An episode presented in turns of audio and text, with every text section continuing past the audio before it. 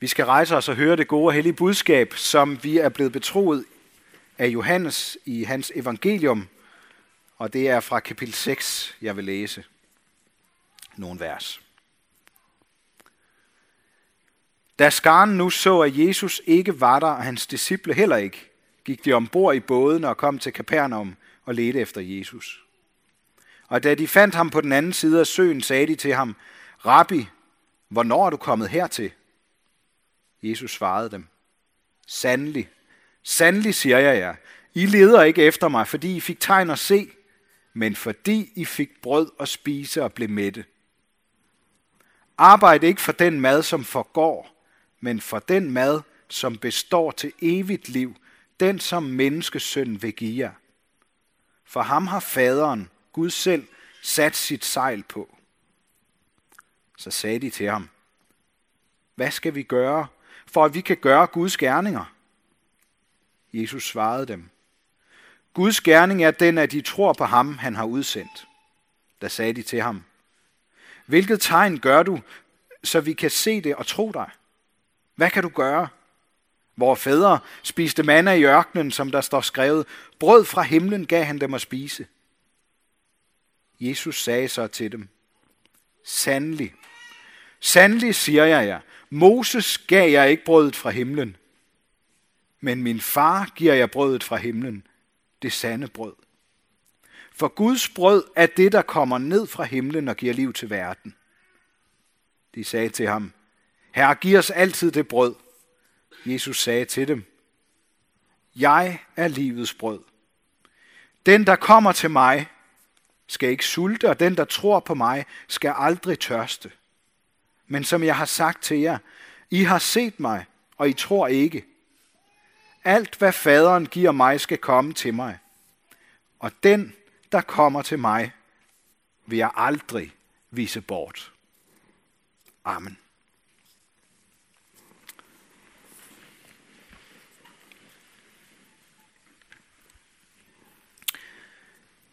Ofte så kan man høre præster og forkyndere tale om sult og tørst og længsel efter mening med livet, retning for livet.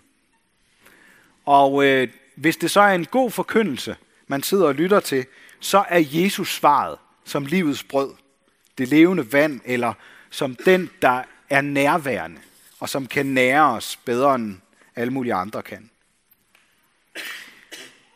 I dag handler begge de her afsnit, vi har hørt fra Bibelen, i virkeligheden om noget lidt andet. Det handler om den mættede flok. Altså Israels folk, der fik en hel flok fugle til middag, og skarne mennesker, der lige er blevet mættet af fem brød og to fisk, fordi Jesus fik dem mellem hænderne. Det er det, der er sket lige forud for det, jeg læste for jer. Det vil sige, det er altså hverken sult eller tørst eller længsel efter mad, men derimod mætte maver og nok til alle, det handler om her. Og måske er det lige præcis derfor, de her to beretninger også kan sige noget til os i dag. For ikke nok med, at vi bliver mætte hver dag. Vi stopfodrer os hinanden og os selv med stimulerende billeder og oplevelser, samtidig med, at vi hører til et af de mest brokkende folkeslag i hele verden som folket gav ondt af sig, så brokker vi os, hvis vi skal undvære strøm eller internet, eller gær i en stor konflikt i bare nogle få timer eller dage. Lad os nu bare se, hvordan det går den her gang. Vi mister fokus og bilder hinanden ind, at noget er forfærdeligt, når det vel i virkeligheden højst er en lille smule bøvlet for os. Vi bliver sløve fordi vi er så vant til at få alt, hvad vi behøver. Og ligesom det skete for skaren, så sker det ofte for os, at Jesus bliver væk for os, fordi vi er blevet sløvet af velvære og malighed. De kunne ikke finde ham. De ledte efter ham, fordi de tænkte, at han kunne blive deres brødkonge. Mange af os beder om og leder efter Jesus, fordi vi tror, at han kan give os lidt mere til vores liv. Hvor mange af jer kender ikke til at bede Jesus om lidt mere af et eller andet? Bare lige lidt mere. Lidt bedre. Lidt nemmere. Lidt hjælp. En håndsrækning. Et lille under. Noget at glæde sig over. Eller måske bare lidt mere lyst til livet. Hvordan lyder det, hvis jeg siger, at Jesus vil mere med os, end det vi ofte beder ham om? At han opfordrer os til at bede ham om alt. Også om, at der må komme gaver ned til os, som vi slet ikke kunne regne ud. Altså, I ved, gaver, der sådan kommer ovenfra, uden at man overhovedet tænker, kan regne ud, hvor kom det fra? Og så lige ned til mig. Men det er selvfølgelig kun for helt særlige mennesker, at sådan noget sker. Det der med, at der lige falder noget ned ovenfra. Tænker vi. Nej. Det var hver eneste israelit, der fik lige præcis det, de kunne spise. Og de blev alle sammen mætte, da Jesus delte mad ud til de her mindst 5.000 mennesker. Og så kom jeg til at tænke på det her med øh, kampen mod madspil. Det er i hvert fald ikke øh, nogen ny opfindelse. Fordi i ørkenen, der fik de lige præcis det, de havde brug for. Og øh, da Jesus delte mad ud, så samlede de det, det der blev til overs, sammen i, øh, i 12 kurve.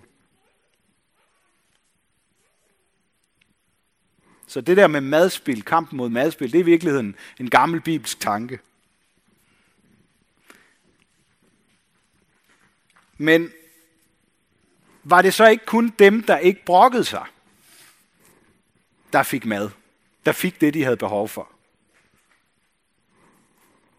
Nej, det var alle. Selv dem, der brokkede sig, fik det, de havde brug for. Både dem, der brokkede sig, og dem, der var tilfredse og taknemmelige. Både dem, der var sultne og mætte på livet. Både dem, der følte sig med i, eller som følte sig uden for fællesskabet. Alle blev mætte. Uanset hvad vi i forvejen kan eller gør, så vil Jesus mere med os. Det eneste og helt afgørende, det er, om vi vil tage imod det, der kommer ned fra himlen. Sådan var det med mannaen, der dækkede ørkensandet som sne eller duk, og fuglene, der væltede om kul, som var de blevet skudt, og brød og fiskestykker, som om de var portionsanrettet til hver enkelt. Alt sammen kom ned fra himlen til alle, uanset om de troede på himlen eller ej. Alle kunne høre og følges med Jesus, uanset om de havde ventet på ham, om de længtes efter ham, eller de bare tilfældigvis var i nærheden, var en del af flokken. Der er simpelthen ikke et eneste menneske, som Jesus ikke vil mere med.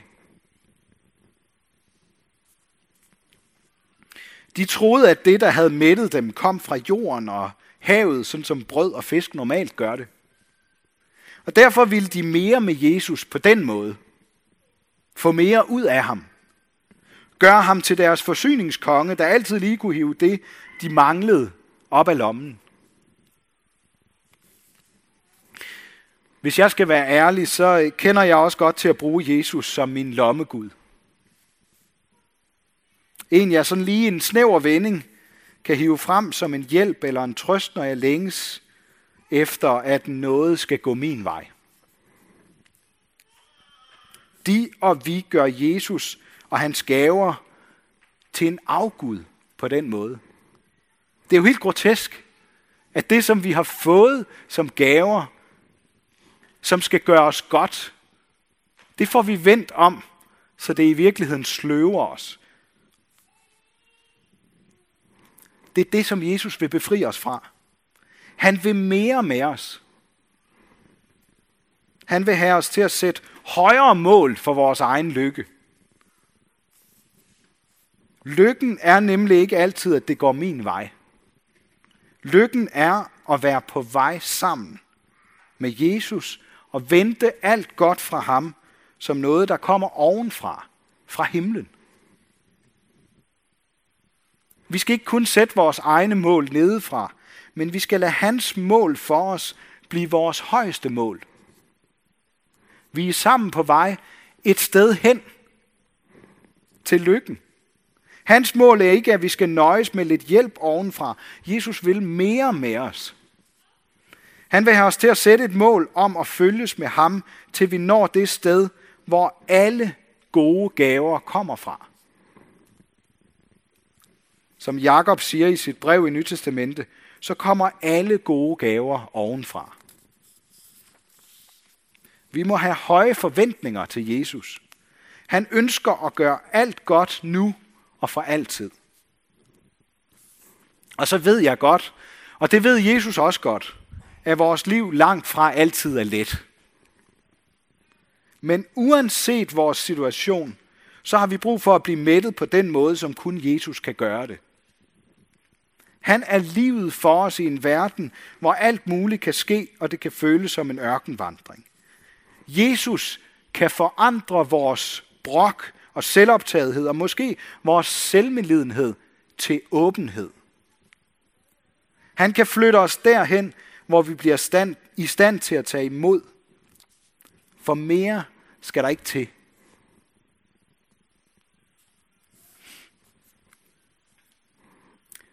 Jeg har for nylig læst en, øh, en bog om Dietrich Bonhoeffer, som har gjort stort indtryk på mig.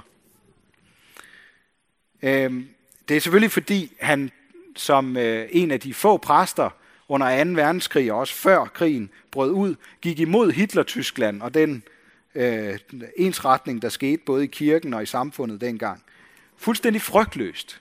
Det er meget imponerende. Men det er i virkeligheden noget andet, jeg, jeg er blevet slået endnu mere af. Og det er, at han i slutningen af sit liv, som Gestapos fange, adskilt fra sin familie og sin forlovede, og med risiko for at blive henrettet, kan tale om, at menneskers lykke ikke afhænger af vores omstændigheder. Hvordan kan man som 39-årig beskrive sig selv som mæt af lykke, mens man sidder i fængsel med de mest elendige fremtidsudsigter? Og samtidig slet ikke have mistet lysten til at slippe fri og leve videre. Hvordan kan alt det holde sammen inde i en person? Det tror jeg kun man kan sammen med Jesus, når man har fået den lykke, han giver ovenfra. Hvor skulle den ellers komme fra? Det er jo, det er jo sådan helt umenneskeligt at forestille sig. Jeg er ikke sikker på, at jeg kunne have tænkt eller sagt det på den måde. Det, der holdt håbet levende i ham, tror jeg, det var breve fra sin nærmeste, hvor de delte de allervigtigste ting med hinanden. Hvornår har du sidst skrevet et vigtigt brev eller en besked til en af dine nærmeste? Er der noget at sige til, at mange af os i dag lidt føler os ensomme, når vi ofte glemmer eller forsømmer at skrive eller snakke om de vigtigste ting jævnligt med hinanden og følges ad og vandre sammen. Det er simpelthen lettere at være sammen på vej. Jeg tror, der er nogen af os, som også savner sådan en besked eller sådan et brev. Måske er der nogen af os, som også sidder og tænker på nogle bestemte mennesker, som vi måske skulle sige eller skrive noget til. Man behøver nemlig ikke at være i samme rum, eller mene det samme om alt for at følges ad. For når Jesus lever i os, så er vi bundet sammen i himlen i vores fælles mål. Og det vil altid smitte håbefuldt af på vores livsvej, når vi holder målet højt.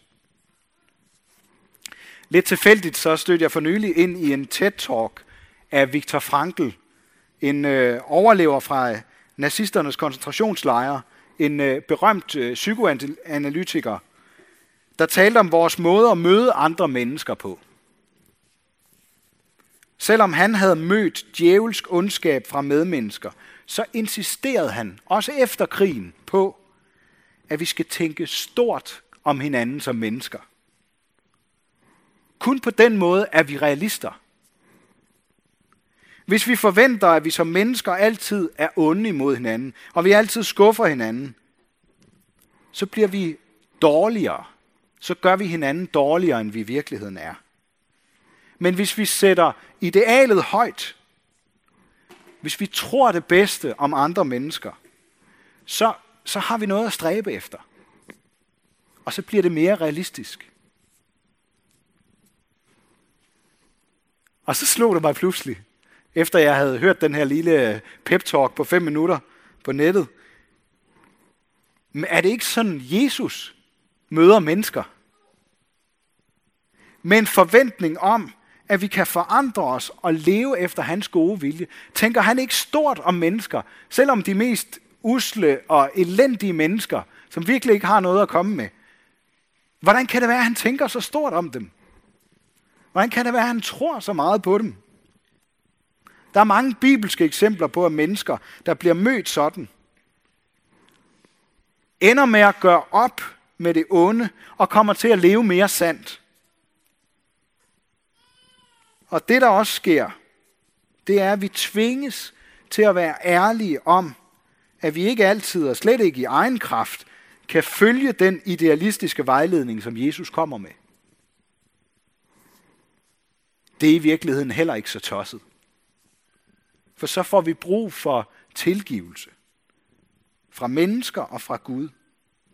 Og uanset hvor langt vi er fra at synes, at vi gør det godt nok, så vil Jesus altid mere med os. Han tænker større tanker om os. Lad mig så bare her til sidst minde jer om et af de dejligste ord fra Jesu mund. Den, der kommer til mig, vil jeg aldrig vise bort. Det er derfor, jeg også i dag tør insistere på, og jeg håber, I vil tage det med jer hjem og huske på det. Jesus vil mere med os. Fordi den, der kommer til ham, vil han aldrig vise bort. Ære være Gud, vores far, der har skabt os i sit billede. Ære være Guds søn, der tog vores straf, så vi kan slippe fri. Ære være Helligånden, ham der gør Guds kærlighed levende for os. Så synes jeg, at vi skal rejse os op og fælles med hinanden i kor ønske for hinanden, at vor Herres Jesu Kristi nåde, Gud vor Fars kærlighed og Helligåndens fællesskab må være med os alle. Amen.